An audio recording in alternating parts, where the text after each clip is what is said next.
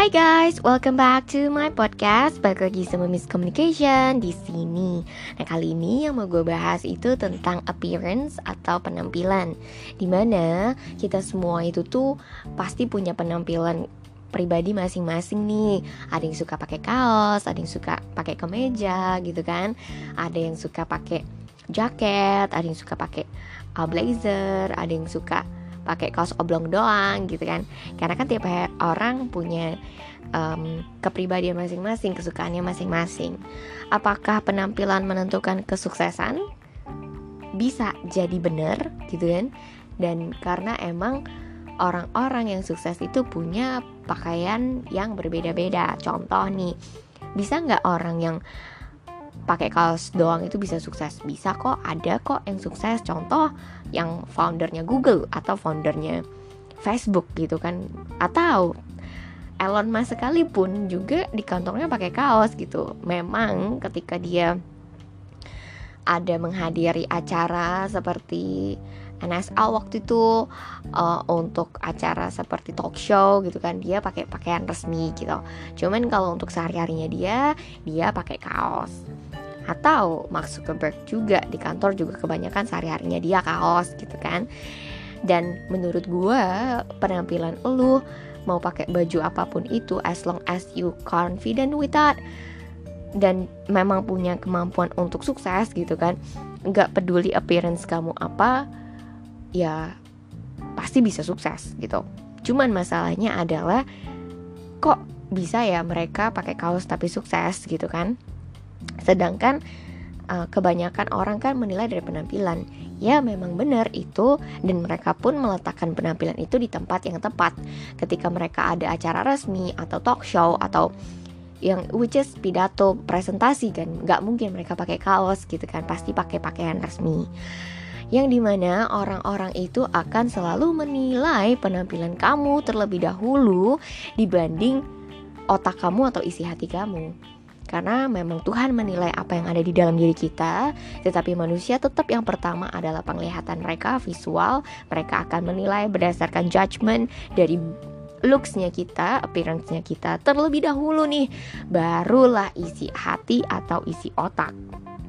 Gitu, seperti yang Jim Rohn katakan juga, Jim Rohn ini siapa sih? Jim Rohn ini adalah salah satu motivator terkenal di dunia yang punya murid uh, Tony Robbins atau Anthony Robbins di mana keduanya itu sudah mencapai kesuksesan terbesar di dalam hidup mereka yang membuat orang lain lebih terbuka terhadap uh, income-nya mereka, melipat gandakan income-nya mereka yang tadinya nggak punya apa-apa jadi punya segalanya.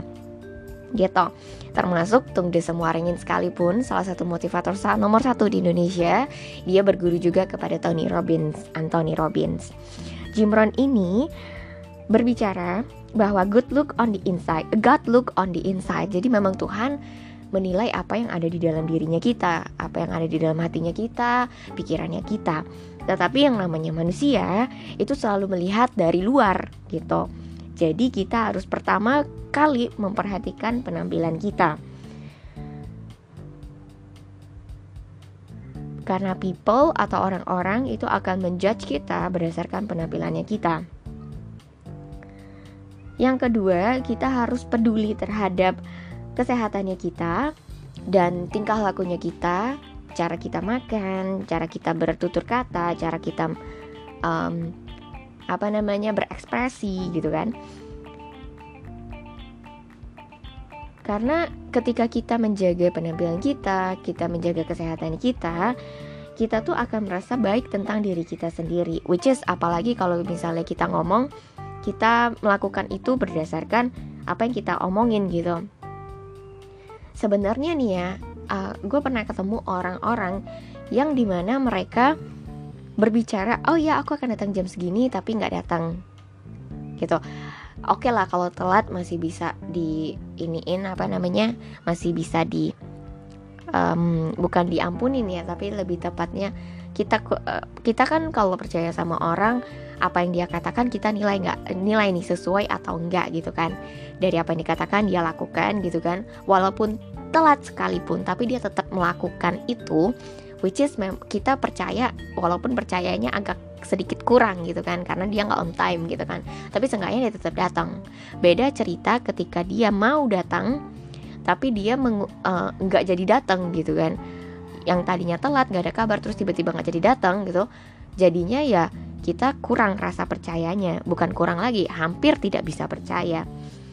Walaupun dia minta maaf gitu kan oke lah kita maafin tapi nextnya dia melakukan hal yang sama kita akan bener-bener per, rasa percaya itu akan semakin berkurang berkurang berkurang walaupun memang mereka tidak menghargai kita kesannya tapi sebenarnya yang kita bisa lihat bukan berarti kita bisa oke okay lah kita bisa kesel tapi sebenarnya yang perlu kita lihat adalah rasa kasihan, rasa memaafkan dan yang jelas mereka tidak meng, ya tidak apa namanya? Mereka mengucapkan sesuatu dan tidak memenuhi itu sebenarnya mereka sedang tidak menepati kepada diri mereka sendiri. Walaupun mereka percaya diri, tetapi ketika mereka berbicara hal uh, something as a promise misalnya kepada orang lain dan mereka tidak menepati itu, mereka sebenarnya sedang bergumul dengan diri sendiri. Which is itu adalah problemnya mereka bukan problemnya kita. Yang menjadi problemnya kita adalah kita harus berhati-hati dengan appearance-nya kita.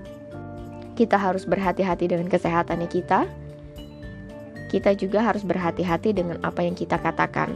Ketika kita mengatakan sesuatu, kita harus memenuhi itu.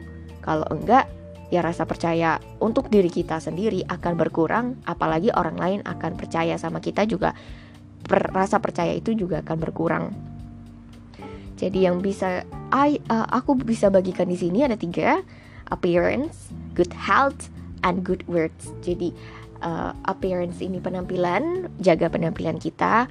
Walaupun kita suka pakai kaos, tapi orang kan menilai pertama kali dari penampilan, jadi berhati-hati di situ. Yang kedua, itu berhati-hati dengan kesehatan kita, apa yang kita makan dan olahraga. Dan yang ketiga, good words. Uh, jadi apa yang kita yakinkan kepada diri kita, kita juga bisa yakinkan kepada orang lain. Apa yang kita penuhi untuk diri kita, kita juga bisa penuhi untuk orang lain.